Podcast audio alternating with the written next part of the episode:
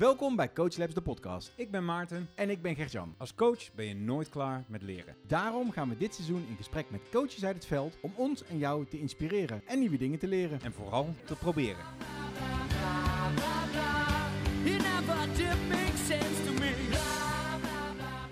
Nou, welkom bij weer een nieuwe aflevering van Coach Labs, de podcast. Vandaag hebben wij in de show... Mariette Alblas. Welkom Mariette. Tip van de week. Mariet, voordat wij gaan eh, induiken op wie jij bent en wat je doet en hoe je komt waar je nu gekomen bent. eh, eerst even, hebben we nog iets te delen met onze luisteraars van de afgelopen periode? Want we zijn er een tijdje niet geweest, dus we hebben vast een hoop meegemaakt, tips of dat soort zaken. Maarten, heb jij iets wat je wilt delen aan tips of inspiratie met de mensen die er luisteren? Ik ben weer bezig in een boek. Ah, Oh, jeetje. En, dat is en een- lees je het of luister je het? Ja, ik luister het. En ehm, nou, ik, ik heb twee puberdochters, eentje van 15, eentje van 17. En het boek wat ik nu aan het lezen ben, is het boek waarvan ik wilde dat mijn ouders het gelezen hadden. De auteur is me trouwens even ontschoten. Ehm, maar het boek gaat erover, eh, hè, zoals wij, en ik maak het ook in coaching steeds meer mee. Mensen zijn heel erg op zoek naar erkenning. Ben ik er nog wel? Ben ik goed genoeg? Eh, heb ik wel ruimte voor mijn gevoel en voor mijn gevoel wel erkend? En ehm, als je kinderen ergens mee komen, dus bijvoorbeeld papa zit een monster onder mijn bed, zijn wij als ouders best gauw geneigd te zeggen, ach, dat is helemaal niet waar. Eh, eh, kom, we gaan even kijken, het zit er niet. Eh, hup, terug naar bed. Pap, ik kan niet slapen. Nou, je moet morgen vroeg op, ga naar boven. Dit boek gaat er dus over in dat, net zoals in feedback, dat eh, de ervaring van gedrag en hoe iemand zich daarbij voelt altijd waar is. Het erkennen van het gevoel van je kinderen cruciaal is. Als het gaat om later als je groot bent steviger in je schoenen staan. Dus een voorbeeld van pap, ik kan niet slapen. Dat is wel heel erg vervelend dat je niet kan slapen. Kan me heel goed voorstellen dat je dan naar beneden komt. Je herkent het gevoel, kind weet ik word gehoord. Dan ga je als ouders erop in zoals je erop in wil gaan. Door bijvoorbeeld te zeggen, maar je moet wel naar bed, kom, we gaan naar boven. Of er zit een monster onder mijn bed. Dat is natuurlijk wel heel spannend. Kom, we gaan even kijken of die recht zit. En dan naar bed. Dus de erkenning in het gevoel is... eh, je geeft kinderen daar zoveel mee terug dat eh, wat ze zeggen waar is, hoe ze zich voelen, altijd klopt. Je erkent ze eh, in, in, in, hun emotie, met als gevolg dat ze zich eigenlijk altijd gehoord voelen en vertrouwd voelen om te uiten hoe het met ze gaat. En dat is een hele fijne basis en ik pas dat dus nu toe bij mijn puberdochters. Waar ze te laat zijn, dat ze "Ah, sorry pap, ik ben te laat. Ja, snap ik. Je hebt natuurlijk hard gefietst, dat kan ik aan je zien. Fijn dat je je best doet om vervolgens er toch op in te gaan. Maar wel te laat, je weet wat de afspraak is. Morgen ben je een uurtje eerder thuis. En ik merk dat in het erkennen van het gevoel, het contact tussen mij en mijn dochters oprecht beter aan het worden is. Ja. Dus ik, Mooi. eh, ja, leuk boek, leuk, om, leuk geschreven. En het, eh, ja, het gaat Maar eigenlijk eh, in wat was de titel van het boek nou? het boek waarvan ik wilde dat mijn ouders Oh, zo heet het boek. hadden. Oh, ik dacht dat het gewoon een introductie van het boek was. Jij, Gert-Jan? Eh, nou, ik heb in ieder geval even opgezocht. De auteur is Philippa Perry. Dus eh, nee, ik, heb, eh, eh, eh, ik heb een mooie ervaring meegemaakt. Ik, heb, eh, ik ben meegeweest op de Mindset Journey. En dat klinkt al heel eh, mooi. Maar eh, ik heb een training gedaan, persoonlijk leiderschap. Ehm, eh, en dat heb ik gedaan met de plek waar ik ook personal training doe. Dus waar ik gewoon door de week probeer te fitnessen en een beetje aan mijn eh, gewichten trek. Ehm, daarmee met een groep van die sportschool zijn we met de coaches en een leiderschapscoach naar Oostenrijk geweest. En mij leek het heel leuk, want we gaan naar Oostenrijk, een soort vakantie en we gaan we doen. En ik had er wel zin in. Maar het heeft veel meer indruk op mij gemaakt dan dat ik vooraf verwacht had. Dus het feit dat je met een groep op een afgesloten locatie zit, of afgesloten, we zaten in de bergen, een schitterend huis, eh, maar dat je daar bent en dat je gesprekken hebt met elkaar. Die gesprekken gaan in vijf minuten dieper als dat je hebt met andere mensen. Want je, je zit in een afgesloten locatie, iedereen zit daar met een reden. Dus je gaat vrij snel de diepte in. De theorie die we daar krijgen, nou, die zat heel erg, wat wij ook doen, Maarten, de, de drijfveren, motivaties, eh, waar, waar zit, Ja. wat zit erachter? Nou, die kende ik op zich wel, maar door het feit dat je daar met die groep bent en erover gaat praten, zijn we daar toch wel een stuk dieper gekomen als dat ik eh, voorheen was. En de helft was theorie en de andere helft was praktijk. En praktijk was eh, eh, fysieke oefeningen. Dus we zijn een berg op gaan mountainbiken, duizend hoogtemeters. We zijn canyoning gaan doen. We zijn een wandeling gaan maken met gesprekken. En de laatste dag hebben we een hike gemaakt waarvan ik halverwege de hike nog echt dacht dat we niet naar de top gingen. Wat wel het geval bleek. En waar ik echt wel, het is lang geleden dat ik met zoveel emotie in mijn lichaam ergens bovenop heb gestaan. Je bent ook los van met, met gedrag en ik denk eh, persoonlijk leider echt, echt over fysieke grenzen heen gestapt. En Nou, en daar ben je dus, eh, op het moment dat ik wel besefte dat we naar boven op die top gingen, en dat we daar een kruis, hè, op al die bergen staan een kruis, daar ga je naartoe. eh, en dat ik dacht, daar gaan we naartoe. Maar de laatste drie kwartier was ik echt, echt volledig uit alles wat ik prettig vond. Mijn hele lichaam was een beetje aan het trillen en er waren mensen ver voor me en ver achter mij. En samen met een andere man die mee was, deed met z'n tweeën.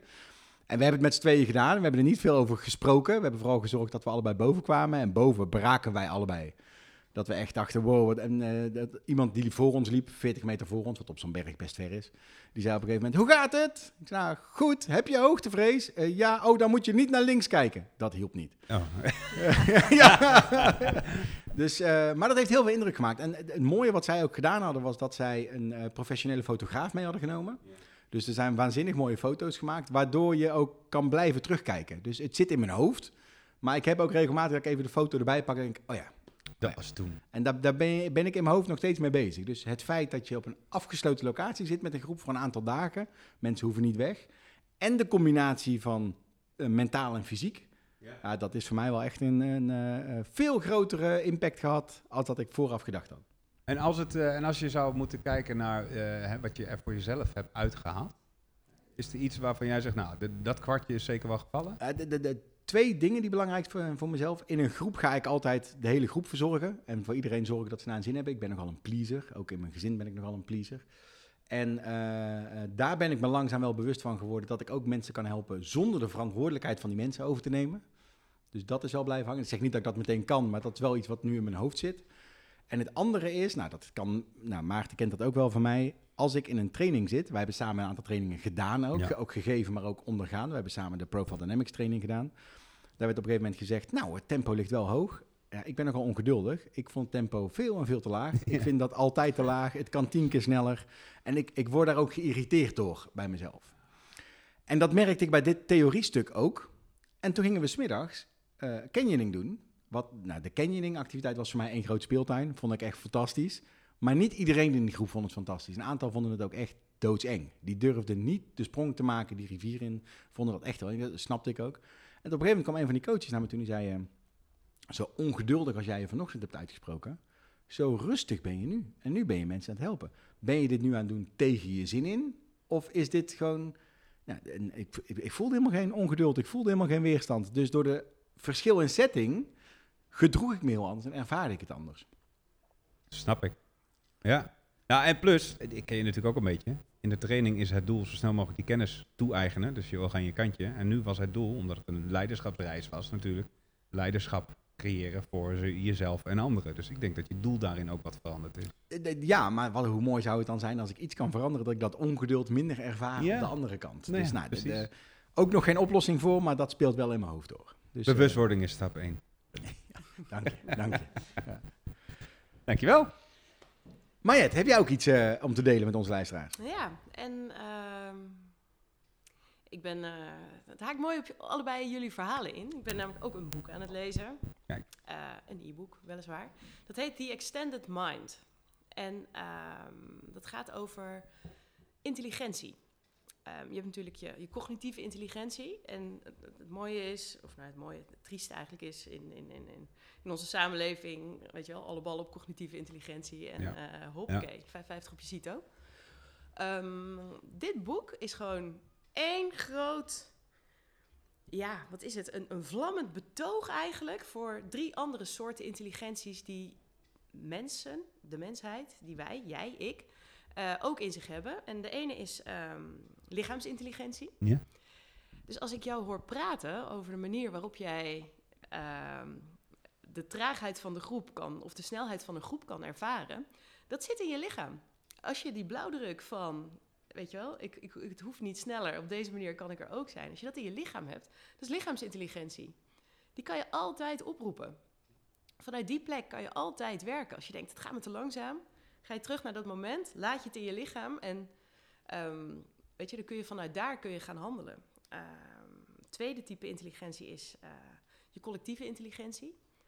Als je met meerdere mensen op dezelfde frequentie zit, als je goed op elkaar bent ingespeeld, dan ben je zoveel slimmer dan dat je ooit in je eentje gaat zijn. Dan kunnen zulke mooie dingen ontstaan. Dus daar ligt ook een linkje naar, naar Theorie U. Vind ik echt ja, prachtig. En de derde is, ehm, en die haakt er ook op in, plaatsintelligentie. Als je mensen in een doosje zet en je laat ze brainstormen, dan bedenken ze ongeveer de helft van de ideeën dan als je ze naast precies datzelfde doosje zet. Dus als jij ergens op een berg staat en een wandeling maakt en je hebt letterlijk licht, lucht, ruimte, frisse wind, knapperige lucht om je heen, ja, dat, dat maakt zoveel moois in je los. Is dat, ehm, valt dan ook de parallel te trekken met eh, eh, als je wil brainstormen, dat het handig is om dat op een offsite te doen? Of op een andere plek juist? Zeker. Ja, nice. Ja. En dan vraag ik me ook af, hè, wat doen we toch de hele dag met elkaar in al die gebouwen? Dus eh, ja, zelfs als je uit het raam kijkt, dan ben je beter aan het werk dan als je geen raam hebt. Omdat management dan ziet dat je aan het werk bent. Daar doe ik geen uitspraak over, maar het is... Nou, Ja, sinds ik dit boek lees, dan denk ik overal, joh, wat zijn we nou toch met z'n allen aan het doen? Hoe kan, hoe kan dit anders? Ja, er zit gewoon heel praktisch, denk ik. Het is een grotere plek, kunnen meer mensen bij elkaar en dat is handig. Ehm, maar maar ja, de- de- je ziet overal nu de discussies ontstaan. Hè? Bedrijven hebben bedacht, zoveel mensen, zo vaak moet je op kantoor zijn. ja. Eh, sommige bedrijven zeggen hun kantoor op. En die, hoe gaan we nou met elkaar samenwerken Ja. qua plaats, locatie, virtueel, fysiek? Ja, die discussies spelen overal volgens mij. Nou ja, en, en ik denk met name, hoe, hoe hou je de connectie met elkaar? Hè? Want dat, dat zie Ja. ik ook. Het is heel gefragmenteerd. Sommige mensen beginnen nieuw eh, tijdens een COVID-periode bij een organisatie. Ik merk dat nu ook. Ik probeer in de rol waar ik nu zit eh, wat meer mensen bij elkaar te brengen, al dan niet virtueel. Het is gewoon lastig om te doen. Iedereen houdt er zijn eigen agenda op na. De een die zegt, nee hoor, ik heb eh, overdag, dan laat ik altijd boodschappen komen op dat tijdstip. Dus nee, ik ga niet naar een meeting dan. En de anderen die zeggen, ik wil juist wel mensen weer bij elkaar hebben en ik kom graag naar kantoor. Het, het, het is het zoeken naar een nieuwe normaal. Misschien is het wel zoeken naar een nieuwe normaal. Dat gaat nog heel erg uit van het oude paradigma. Hè? Van hoe kunnen we nou weer dat doen? Maar misschien wil je hem omdraaien. Hoe kun je nou als bedrijf nieuwe eh, rituelen, nieuwe manieren om te verbinden eh, bedenken? Ehm, dat je echt vanuit die plek, eh, vanuit zo'n zo'n ja, een nieuwe manier van samen zijn, je bedrijf kan gaan vormgeven. Ja. Zeker. Als je dat nou kan omdraaien. Ik, eh, ik heb maar zo het gevoel dat je wel vanuit die Theory U, Ja, dat is zou waar je wat iets over komt maken kunnen vertellen, hebben, wat kan bijbrengen. Ja, en eh, mochten mensen het zoeken, The Extended Mind eh, is van Annie Murphy Paul. Maar we zullen de twee boeken ook even linken in de show notes. Zeker. Ik weet niet of je de schrijver nog wist, maar eh, hij is ook gratis te lezen voor mensen met een Kobo Plus abonnement. Dus ik heb hem aan mijn lijstje toegevoegd. Ja, Ah, doen. kijk. Het is Ja. leuk. Nou, wellicht volgende, eh, volgende eh, eh, podcast dat je ook jouw take daar eens uit kunt meegeven. Nou, dan heb ik hem nog niet uit hoor. Ik Nee? lees niet zo snel boek. Ik ben met een ander boek bezig die ik hoop voor de volgende podcast af te hebben. Ja, Kijk. zeker. Maar je hebt er al even gehoord, Mariette. even in, de- relatief in het kort. We hebben wat feedback gehad dat we eh, te veel praten over onszelf en te weinig over de content. En dat mensen eigenlijk de content wel leuker vonden als onszelf. ja. Dus laten we kijken of dat we dat meer over de content kunnen hebben. Eh, eh, ja, wie, wie ben je? Wat doe je? En eh, hoe ben je waar je nu bent? Wie, wat en hoe? Het is altijd fijn als je één vraag krijgt. Ja, hè? Ja, zo'n samengestelde driedubbele uitklapvraag. Ja, ja, ik ben hier. En eh, er is eigenlijk één groot moment wat eh, Q4 2019 gebeurde. Ehm, dat was, ik las een boek. Ehm, ja, jullie kunnen het boek natuurlijk niet zien. eh, maar het is het boek Presence. Van Peter Senji, Otto Scharmer, Joseph Jaworski en Betty Sue Flowers. En dit boek gaat over ehm, transitie doormaken. Dus dat gaat echt over je stip op de horizon verleggen, jezelf opnieuw uitvinden. Ehm, dat is eigenlijk ook de essentie waar theorie U over gaat. De U moet je zien als echt een geschreven letter U, waar Mhm. midden op de bodem van die U, daar gebeurt iets. Dan is het alsof je alsof er, alsof er een soort bliksemschicht door je lijf heen gaat, dat je een pingmoment hebt en dat je in je alles voelt. Fuck, hier moet ik wat mee. Dit is iets, hier zit iets in. En het mooie is als een lichamelijke sensatie waar je eigenlijk nog geen taal of geen woorden voor hebt. Nou, in dat boek Presence eh, worden 150 CEO's eh, die zijn geïnterviewd om dat fenomeen in kaart te brengen. Van wat is dat nou, dat, wat een transformatie succesvol maakt. Ehm, en dit geeft een soort grammatica voor die transformatie. Nou, en ik las dat boek en ik zag gewoon mijn hele levensverhaal in die grammatica terug. Dat het eerst gaat over de feiten op tafel, performen, optimaliseren. Weet je wel, puur vanuit ratio, bovenstroom, begrijpen. Wat gebeurt er? Hoe zit de boel in elkaar? lekker analytisch kijken naar de wereld om je Ja. heen. Ehm, mooi hè, want dan denk je ook, ik heb gelijk, want ik kan het heel goed zien. Ja. Daar moet je op een gegeven moment vanaf, eh, want je hebt een bovenstroom. Nou ja, bovenstroom betekent dat je ook een onderstroom hebt. Dat gaat over het voelen. Van ja, maar hoe kan je nou verplaatsen in de schoenen van een ander? Eh, hoe kan je, de coachen bijvoorbeeld hoort erbij. Hoe kan ik nou gewoon ten dienste van de ander zorgen dat, dat die tot inzichten gaat komen? Dus het gaat heel erg over de gevoelscomponent. En vanuit daar kun je met elkaar in sync raken. En het waren allemaal dingen, ik kon er zo de momenten op plakken in mijn leven dat ik de inzichten had. Ik dacht, ja, eerst ging het over de inhoud en toen ging het over de interactie en de hele menselijke dynamiek daaronder. En nou, toen kwam ik dus op de bodem van de U, eh, wat presencing heet. Vandaar ook de naam van het boek, Presence. En ik dacht, fuck, ik heb jarenlang als consultant gewerkt, eh, transformaties begeleid, of eigenlijk optimalisatie of verandertrajecten begeleid.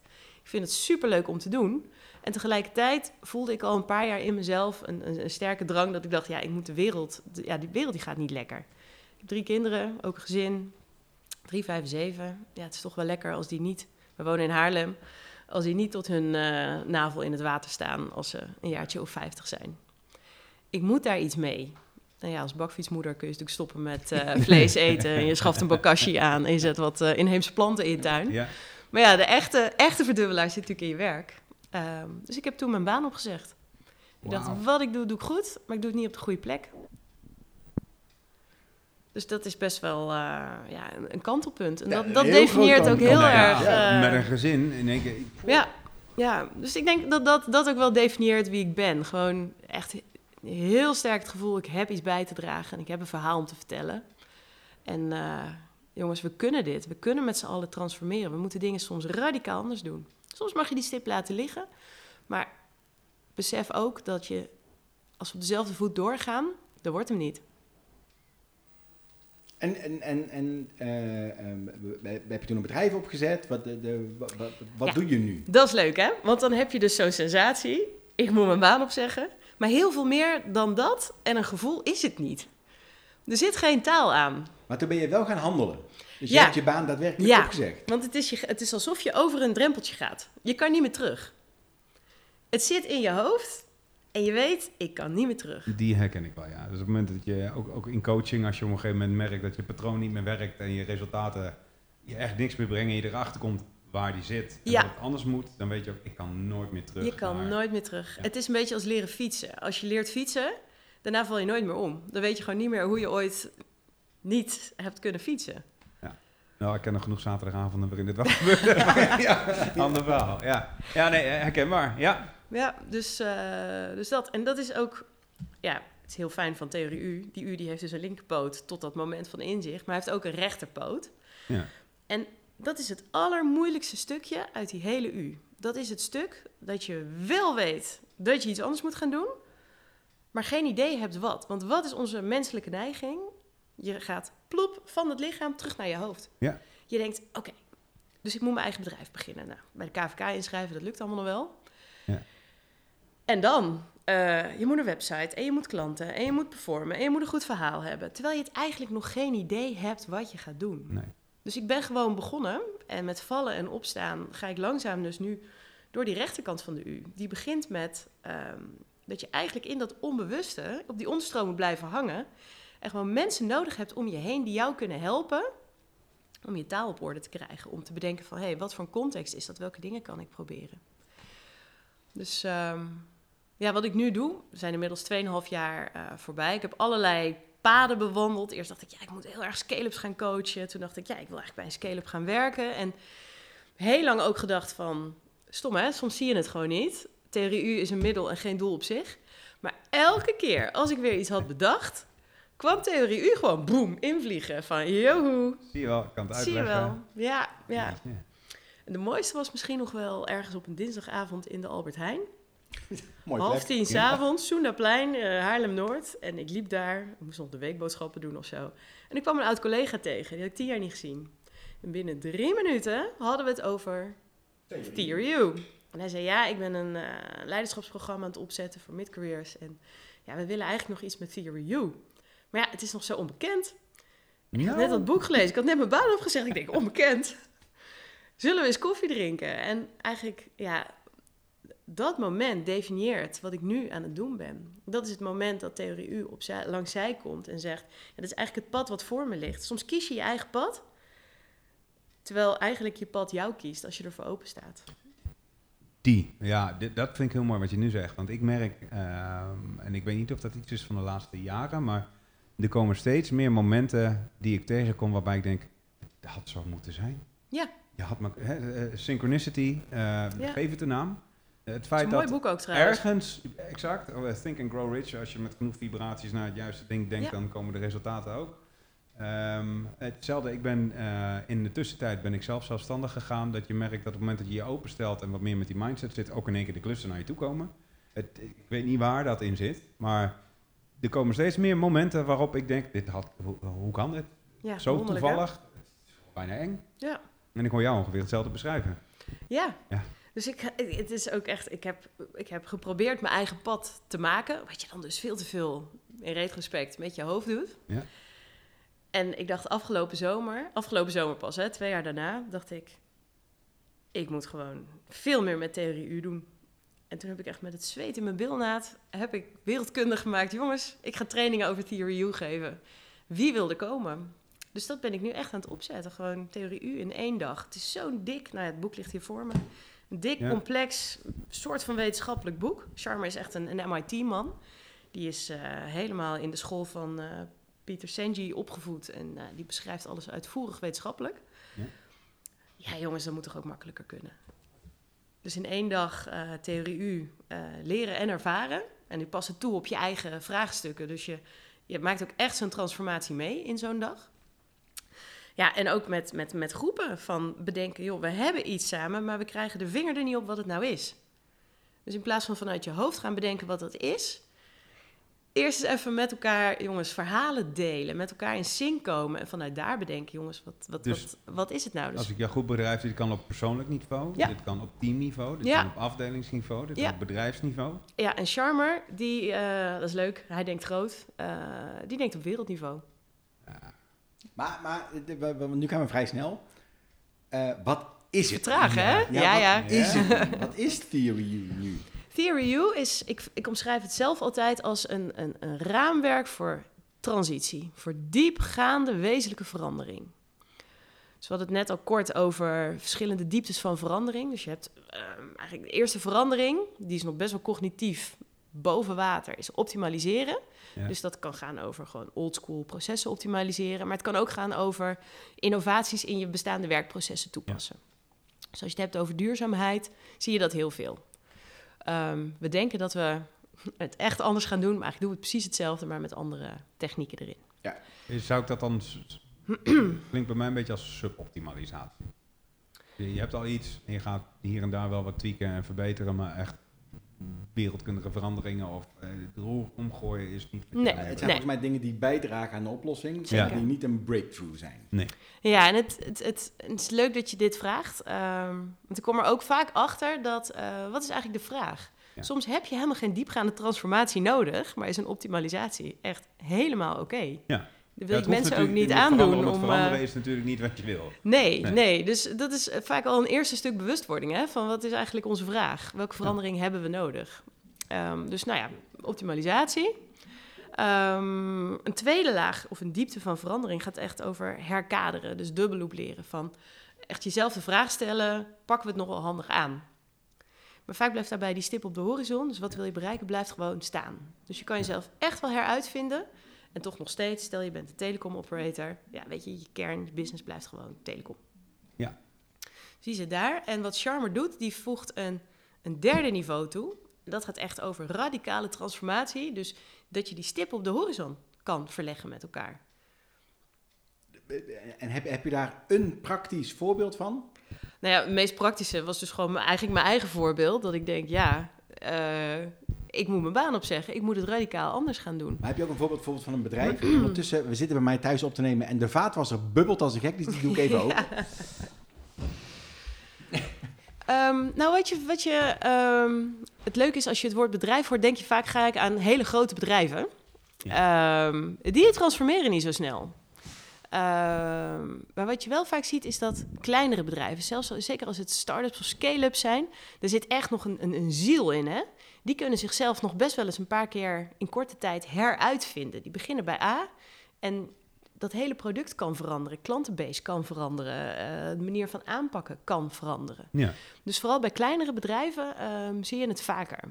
Grotere bedrijven, ja, het boek staat er vol mee, maar het zijn allemaal bedrijven die ik zelf eigenlijk niet zo goed ken. Ja, volgens mij, de- een voorbeeld, dan moet je maar zeggen of dat, dat de goede route is, is Slack, volgens mij. Dat was een bedrijf, ik weet niet wat ze origineel deden, maar eh, die moesten gaan samenwerken. Ja. En om, om onderling te gaan samenwerken hadden de ontwikkelaars daar even een tooltje in elkaar gehackt om met elkaar te kunnen communiceren. Want dat was handig voor wat ze moesten maken. Ja, En toen bleek na een paar maanden dat dat tooltje, dat werd het product. ja. En inmiddels is Slack dus bekend van dat communicatietooltje. En Ja. zijn ze overgenomen en groot geworden. En, eh, ja, dat is mooi hè. Dan heeft daar de energie op gezeten en dat heeft spin gekregen. ja, Want het is ook echt die energie. Er is nog nooit verandering in de wereld ontstaan die niet vanuit die energie kwam. Van jongens, dit is vet, dit werkt, hier Nou ja, moeten we wat mee. Ja, ja, ja, precies. Vooral, en vooral die laatste. Hier moeten we wat mee. Hier Dit- moeten dit we kunnen wat we mee. niet zomaar laten liggen. Ja, nou, en dat Ja. heb ik dus ook met Theory U. Dat ik denk, ja, die, die, die diepste laag van jezelf kunnen heruitvinden. Ja, Maar- maar- daar moeten we wat mee. Kun je moet, al- moet ik me dan voorstellen dat, dit, dat hier in, in deze theorie ook stappen zitten? Van, nou, zo kun je Ja. dat aanpakken als je dit gevoel hebt. Dus Ja. met behulp van deze theorie, als je dat vonkje hebt, of, eh, of misschien helpt de theorie zelfs wel om het vonkje te vinden. Ja, zeker. Allebei. Oké, Ja. ja, het is eigenlijk de theorie helpt vooral om het vonkje te vinden in een aantal stappen. Dus Ja. de eerste gaat over zien. Dus zien, hé, hey, wat is mijn context? Wat is mijn vraag? Wat is mijn scope? Waar loop ik nou eigenlijk mee vast? Ja. Dus moet je voorstellen, dat betekent dat ik, eh, stel ik ben iemand aan het helpen op basis van theorie U. Dus ik vraag door. Elk container, begrip die iemand inbrengt, ja, ik wil iets met duurzaamheid. Wat Hm. is duurzaamheid? En dan komt er weer een vraag met allemaal algemene dingen. Doorvragen, doorvragen, doorvragen. Echt die scherpte opzoeken. De tweede stap gaat over eh, sensing, dus invoelen. Ben jij in staat om je te verplaatsen in de schoenen van een ander... Ja. en vanuit diens ogen, vanuit diens perspectief te ervaren... hoe hij het vraagstuk ziet of doorleeft? Dat wordt al lastig. Als je een goede coach hebt, ja. die kan dit. Die gaat in jouw schoenen staan en helpt jou gewoon door de mist heen te navigeren. Ja. Die gaat je niet helpen. Nee, die is alleen maar bezig met... Maar die resoneert met jou. helemaal verplaatsen in hoe het voor jou werkt. Ja. En in dat proces teruggeven met... Oké, dus als ik je goed begrijp, zeg je en voel je en doe je puntje, puntje, puntje. Dus, en in dat hele proces eh, ja. ontstaat er zeg maar begrip. Ja, en hier, hier zit al mooi die lichaamsintelligentie bijvoorbeeld in. Hè? Een goede coach, die voelt jou, de sensaties die jij in je lichaam ervaart, voelt hij in zijn eigen lichaam. Ja. Ik weet nog dat ik aan een coachopleiding deed en voor het eerst me eh, bewust werd dat ik, ja, ik noem het mijn loodlijn, dat ik mijn loodlijn naar heel diep generatief luisteren kan uitgooien en de ander eigenlijk uitnodig om te praten. Eh, dat daar een rust in zit, dat daar een bepaald tempo in zit. En dat doe je met je lichaam, dat doe je niet met je taal. Dus dat, dat zit daar, dat sensing, en vanuit daar kun je naar presencing gaan. Dus dat is, is eigenlijk een heel kort moment, hè? Dat is echt die ping, die energie. Het belangrijkste van presencing is die blauwdruk in je lichaam.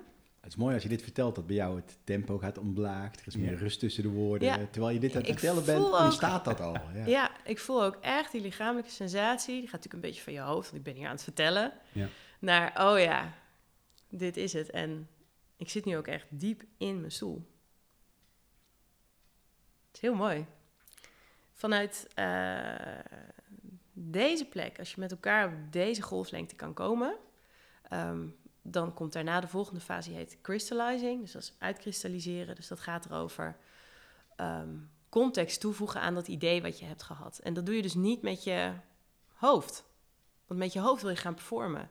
Ja. Maar je wil hier... ehm, dus hier zitten allerlei theatervormen bijvoorbeeld in. Ehm, ik ben een opleiding systemisch werk, familieopstelling aan het volgen... om gewoon beter te begrijpen, hé, hey, wat is nou eigenlijk die hele diepe taal? Wat beweegt zich nou? Hoe, hoe neem je dat waar?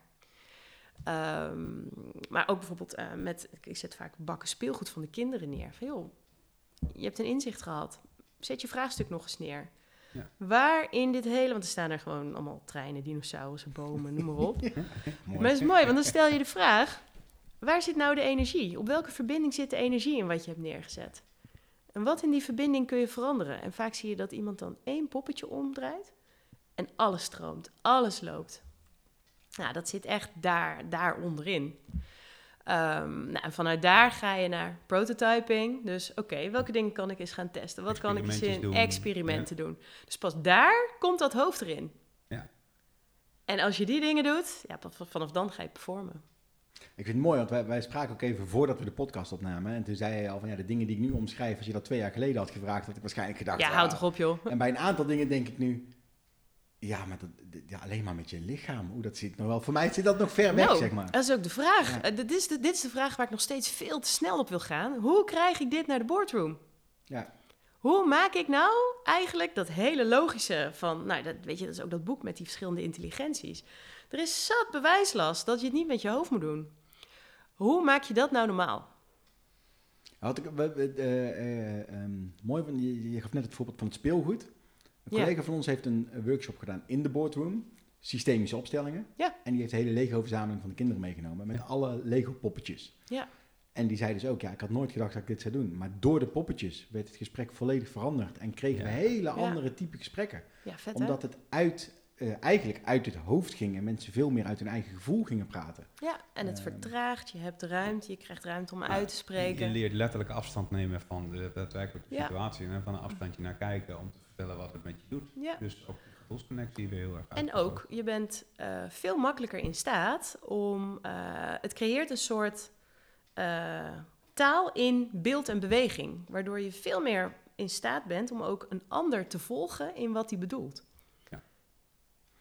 De- de- Iemand anders een poppetje kan je makkelijker lezen dan als iemand Ja. aan het vertellen is wat hij meemaakt. Ik Ja? heb ooit een training gedaan bij, bij de Baak. En een van de opdrachten die we daar moesten doen was...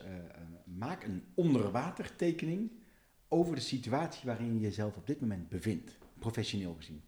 Nou, de reactie die toen uit de groep kwam, dat was echt... Wat gaan we doen? En het duurde echt een kwartier voordat iedereen überhaupt dacht... Ja. ik ga hier aan meedoen. Nou, de, de, de, één iemand heeft volgens mij zelfs letterlijk gezegd, dit ga ik niet doen en die is weggegaan. Ehm, nou, uiteindelijk andere mensen zijn met die verf en zo aan de slag gegaan en een onderwatertekening gemaakt. En iedereen zat nog een beetje in zijn hoofd met, zijn we nu echt een onderwatertekening aan het maken? En daarna gingen we die bespreken. Maar wat daaruit kwam, was echt, echt weer verbazingwekkend. Ja, mooi hè? Want bij mij gingen ze dus bijvoorbeeld vragen van, nou, wat heb je getekend? Bleek dat mijn onderwaterwereld volledig in hokjes was gestructureerd. Ja. Ik had precies eh, bepaalde mensen op bepaalde plekken en letterlijk een organisatie getekend met poppetjes. En uiteindelijk stelde iemand op het einde de vraag, oké, je hebt nu alles getekend. Waar sta jij? Ik had mezelf dus gewoon niet getekend. Ja, En alle andere mensen hadden dat wel gedaan. Dus blijkbaar was ik daar afwijkend ten opzichte van de groep. Blijkbaar plaatste ik mezelf daarbuiten of vond ik het niet belangrijk. En dat soort dingen haal je daar dus wel uit, want je bent, er, je bent daar niet over aan het nadenken, maar het gebeurt wel. nou dat, precies dit is de kern wat ik zo tof vind van Theorie U. Ehm, je hebt die bovenstroom met alle feiten en waarin je scoopt. Die is super belangrijk, die moet je ook Ja. niet vergeten. Eh, maar je hebt ook die onderstroom. Wijsheid zit zowel in de bovenstroom als in de onderstroom. En eigenlijk die hele dunne stippenlijn die daar tussendoor loopt. Namelijk als je een tekening, kan je hem ook interpreteren en er weer taal aan geven Mhm. en er inzichten uithalen. Dat is volgens mij de essentie van, van leiderschap. Kun jij het gesprek de diepte intrekken als je merkt, hey, we zijn alleen maar discussie aan het voeren, we komen er niet uit, eh er is te veel hoofd, niemand zit op dezelfde Ja. lijn. Maar kun je ook het gesprek, als je allemaal heerlijk met elkaar in hetzelfde bootje het eens bent, even opschudden, even die scherpte, jongens, waar hebben we het nou over? Ik heb wel eens een team gehad, die konden eigenlijk, die konden niet eens doorvragen op elkaar. Die waren het zo met elkaar eens, dat voelde bijna als conflict als je doorvraagt op containerbegrippen. Maar ja, wat blijkt, eh, besluitvorming in die organisatie was bijna niet mogelijk. We waren het allemaal zo met elkaar eens. Ja, en, maar het werd nooit hard. ja, dus dat harde heb je ook nodig. Precies, en dit vind ik het mooie van om het voorbeeld even naar onze praktijk te brengen. Het eh planning poker, waarmee je dus juist onbewust mensen hun eigen standpunt laat innemen en die transparant maakt. Hè? Dat als je in woord met elkaar in gesprek bent, nee, nou, ik denk het ook wel. Ja, Als je mensen zelf laat nadenken en het neerlegt en ook al is het allemaal hetzelfde, toch bewust wat afwijkends opgooit om de interactie met elkaar te hebben, komen er hele mooie dingen uit. ja, ja. Ja. En Charme geeft daar ook een, ehm, ja, een super tool bij. Ehm, die, we, we hebben die, die, die verdeling gehad hè, met verschillende niveaus van veranderen. Dus optimaliseren, herkaderen, transformeren. Daar hoort een ehm, bepaalde gespreksvormen horen daarbij. Want je kunt je voorstellen, als je gaat optimaliseren, heb je veel discussie. Ja. Nou, dat kan niet productieve discussie zijn. Echt van die olleke-bolleke discussies Ja. die steeds harder en hoger totdat Niet de rest eens, ophoudt en ja. één gelijk Ja. krijgt. Dan heb je constructieve discussies, die zorgen dat alle informatie op tafel komt. Dan ga je vanuit daar verder. Maar dat is de, de, de- echt de, de, de interactievorm discussie hoort bij optimalisatie. Als je gaat naar herkaderen, ehm, dan heb je daar dialoog voor nodig. Namelijk, in plaats van stapelen, Ja. overtuigen, ga je vragen, ga je graven. Overbruggen. Vragen en graven lijkt Ja. eigenlijk wel op elkaar, Ja. mooi. Ehm, en dan, dan ga je kijken, wat ligt eronder? En, Nou, maar dan ben je volgens mij ook bezig met elkaar begrijpen en niet per se je punt maken. Zeker. Begrijpen, wat ligt eronder? Hoe kom je erbij? Wat is Ja. jouw belevingswereld? Vertel eens wat Ja. verhalen erbij. Ja. en ehm, eh, eigenlijk wat, eh, wat Charmer, die, ge- die geeft een tool en dat zijn... Hebben jullie wel stemmetjes in je hoofd? Mhm. Op mijn schouders. Bij mij zit het altijd op mijn schouders. Ja, op mijn eentje links, eentje rechts. Nou, en hij, hij categoreert die stemmetjes, echt zo heerlijk praktisch. Iedereen heeft ze namelijk. De eerste is de voice of judgment. Dus je stem van het oordeel. Dus bijvoorbeeld, iemand is aan het praten. Jij praat lekker tegen jezelf in je hoofd. Je denkt, bent het er niet mee eens. Ik weet precies wat ik ga zeggen. Maar je zit te wachten tot iemand klaar is met praten... dat jij je zegje kan doen. Nou. Luister, om te reageren. Luister Ja. om te reageren. Nou, dat is de voice of judgment aan het werk. Op het moment dat je daarvan bewust bent, dan weet je van, hé, hey, die voice of judgment, als ik ga praten of luisteren om te reageren, ga ik nooit een vraag stellen. Dus kunnen we ook nooit een dialoog, of van een discussie naar een dialoog komen, kunnen we nooit diepte zoeken. Dus als je die kan gebruiken van, hé, hey, je hoort iets, in plaats van te reageren, ik ga er een vraag op stellen, dan zak je eigenlijk al. Dat is, het is zo'n simpel trucje. Van discussie naar dialoog. Gewoon die ping volgen. Je hoort iets waar je op aangaat. Nou, weet je, wat is anders een belevingswereld? De jou is blijkbaar heel actief daarop.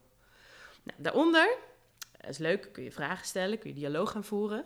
Maar om nou echt met die ander mee te gaan, om echt empathisch te luisteren, heb je weer een stemmetje ertussen. En dat is eh, voice of cynicism. Dus cynisme. Je zegt het nou wel, maar ik geloof je niet. Right. Dat hoor ik nooit. Weet je? ja, ja, iedereen kent wel van die town hall meetings met... we gaan het allemaal anders doen. Mhm. Dan zegt ja, Right. doei. Zijn we eens even een keer geleden ook. Ja, Maar en dan weet je wel, Ja. als je thuis bent of op je eigen afdeling... huilen met de wolven. Oh, dat is allemaal Ja. niet waar. nou, dan ga je dus nooit echt herkaderen. Want je gelooft het niet. Nee. Of je gaat nooit echt veranderen. Ik was heel cynisch op alles wat met spiritualiteit en, en, en lichaamsbewustzijn... en eh, nou weet je wel, dit soort theatervormen... Toen ik dit boek las, dacht ik, ja, die theatervormen, het zal wel. Heel cynisch. Totdat je het op een gegeven moment meeraakt en, en, en, en boeken erover leest, waarvan uit logica wordt verklaard. Tenminste, dat werkt bij mij heel erg. Joh, lichaamsintelligentie, plaatsintelligentie, collectieve intelligentie, eh, daarvan moeten we het hebben met elkaar. Maar ik denk ook dat, Denk, dat ja, ehm, ben ik wel benieuwd, het eh, burn-out verschijnselen bijvoorbeeld een voorbeeld is van hoe wij niet met lichaamsintelligentie bezig zijn. Dat je lijf Ja. aan alle kanten schreeuwt, dit is niet oké, Ja, je ja. gaat te hard. zeker. En we maar door blijven bikkelen met elkaar. Nou, dat is leuk. In deze 400 bladzijden Steer You. Ja. Help het houden dat ik straks nog wel ook de derde stem toevoeg. Ja, Eh, want anders dan is dit zo'n sisser. Ehm, je hebt ook de U op z'n kop. Je hebt altijd licht en donker. Je hebt vanuit verbinding iets laten ontstaan en vanuit ja, ontbinding. Of eh, wat is het? eh, Loslaten. Ja, absencing, afwezig zijn. Dus dat Ja. is de, de omgekeerde U. Nou, dat is echt wat er in een burn-out gebeurt. Gewoon loskomen van je gevoel, alles buitensluiten, totdat je een destructief pad opgaat. Dus van performing naar destruction eh, gaat. Ehm, terug naar de draad. Ja, die stemmen. Dus de je rode hebt, draad, ehm, goed idee. ja, Eh, die, die, die stem, voice of cynicism, dus dat cynisme, Ja. wat je eigenlijk maakt dat je nooit in sync gaat komen met elkaar. En dan heb je die laatste, en dat is de voice of fear. Wat nou als ik meega? Wat nou als, ik, eh, als, we, als hier echt iets gaat ontstaan? Wat nou als ik mijn baan echt op ga zeggen? Je weet wel wat je verliest en je weet niet wat je krijgt. En hier heb je heel veel stemmetjes in je hoofd van wat vinden zij ervan? Wat vinden anderen ervan? Wat vinden... iedereen komt uit zijn eigen familiesysteem. Wat vinden mijn ouders ervan? Wat vindt mijn context ervan? Mijn gezin? Dus dat is die, die, ja, die stem van die angst. Die ook heel veel gebruikt in coaching. Nou ja, wat, ik, wat ik merk is op het moment dat iemand wat vertelt waar jij een andere mening over hebt of het anders ziet, is dat het heel lastig is om daarmee jezelf eventjes los te laten. Ja, En inderdaad, wat je zegt, mee te gaan in het gesprek. En je gewoon, we hebben het hiervoor al over gehad, eh, empathie of eh, je verplaatsen in de ander. Echt even dat pak aan te trekken en te kijken hoe voelt en hoe werkt dit dan. ja. Eh, is dat dan die angst die je bedoelt? Maar Dus bijna de- nog de angst die daaronder zit. Stel je voor, je komt. Stel, we, we, we zijn, we zijn met, met z'n drieën. En er zou hier nu een energie ontstaan.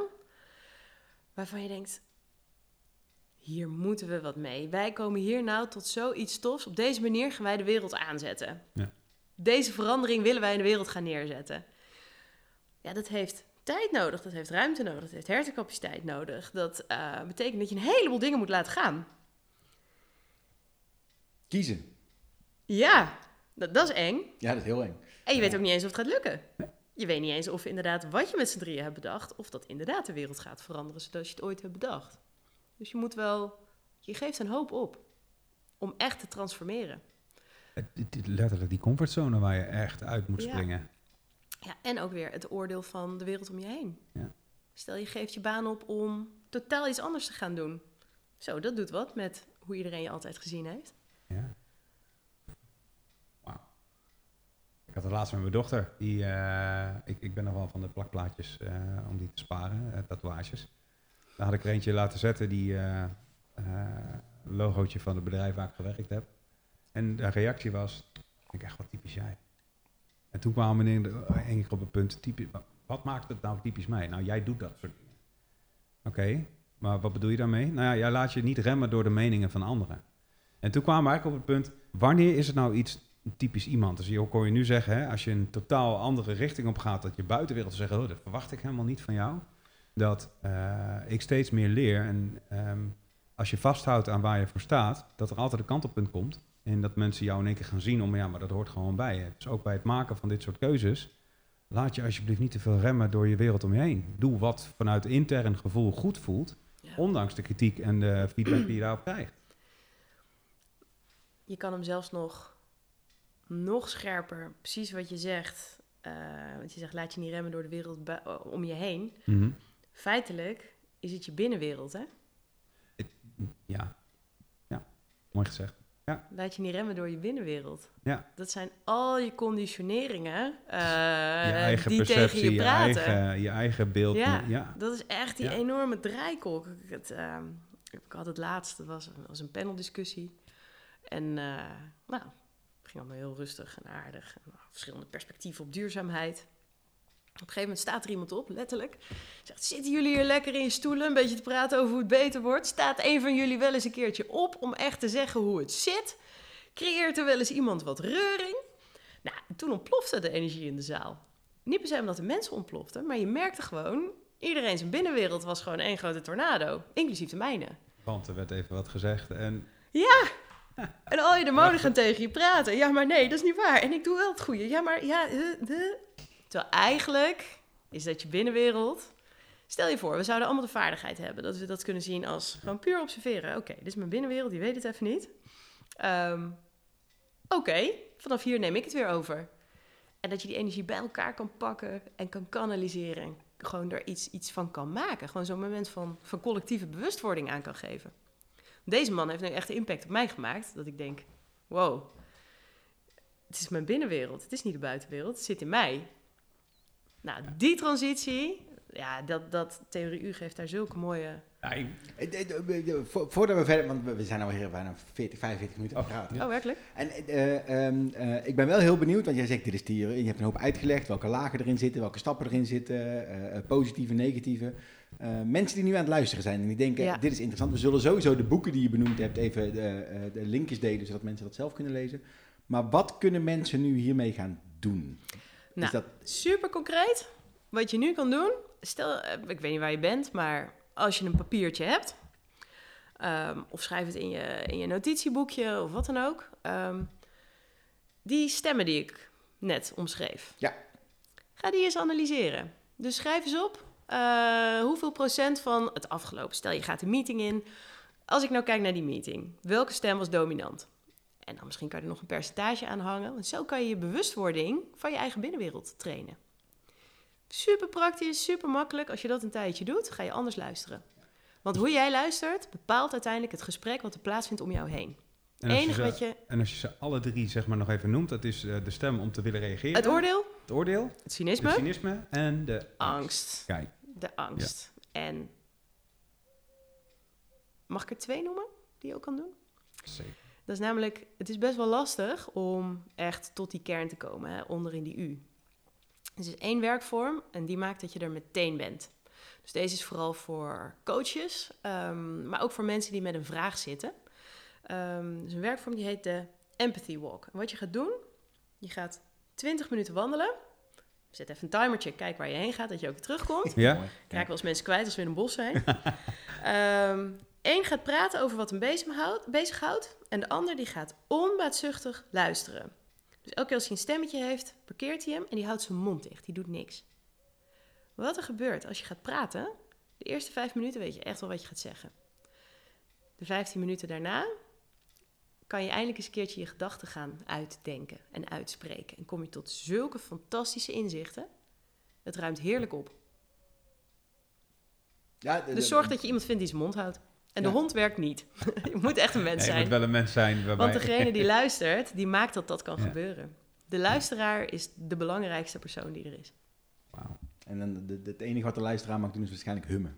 Niet eens, Mhm. want met hummen kan je al sturen. Oh ja. Oh, dit. En soms kun je er niks aan doen, hè? Ja, Ja, want je lichaam humt vanzelf wel eens. Ja. En aan het einde kan je een korte reflectie. Want soms heeft iemand een dode hoek waar je dan even net... even met je zaklampje zo klik inklikt. Meer dan dat hoef je niet te doen. Zet alles in gang. Dat doet mij even heel erg denken, het is niet zozeer een mens, maar we hadden in, eh ik ooit eens een keer bij een financiële instelling, was ik product owner. En daar hadden ze een rubber eentje staan. Volgens mij heb je ook wel eens eh, eerder voorbij horen komen in de podcast, rubber dukken. Dus dat je je issue en je probleem uitlegt aan een rubber eentje. Ja, En mensen, dan, dan, dat 60% van de issues al opgelost werd, gewoon puur omdat mensen hun gedachten aan het ordenen Ja. waren. ja, Ja. Je, ja je denkt volgens mij iets van, wat is het? Hoeveel woorden per, per minuut? Oh, ik ben al zo slechte cijfertjes. Nou, ik ga me hier niet aan branden. Maar je denkt in ieder geval Maar twee keer veel. zoveel dan dat je kan ja, zeggen. Ja, Ja. veel. Ja, Veel. Nee, mooi. Ja, jij zei net, eh, stel je voor, we zitten hier met z'n drieën en eh, je krijgt dat gevoel, dit, dit gaat de wereld veranderen. Ik heb dat heel vaak als wij met iemand om de tafel zitten. Ik denk, oh, dit is tof.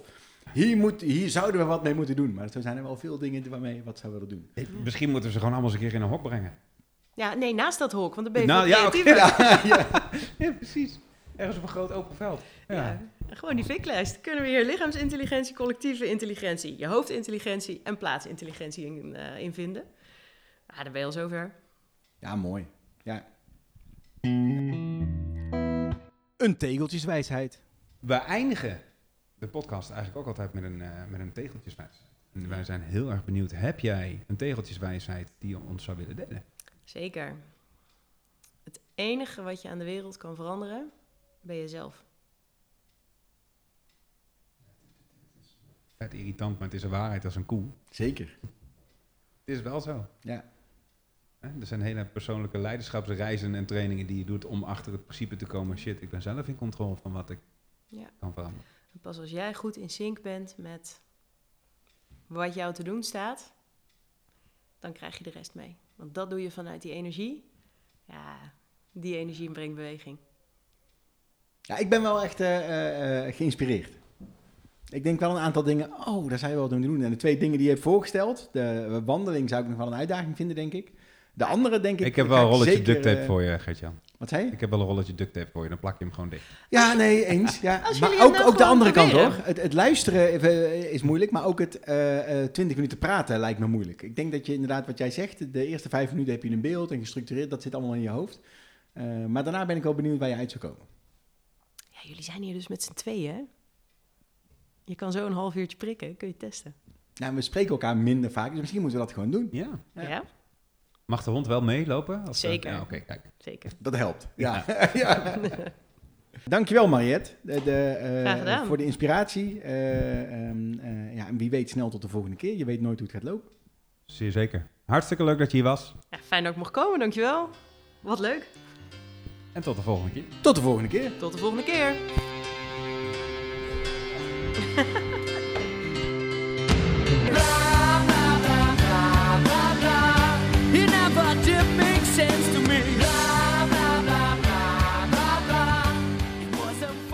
Meer weten over Coach Labs, Een keer te gast zijn in de podcast meedoen aan een meetup of gewoon iets aan ons kwijt? Ga naar coachlabs.nl.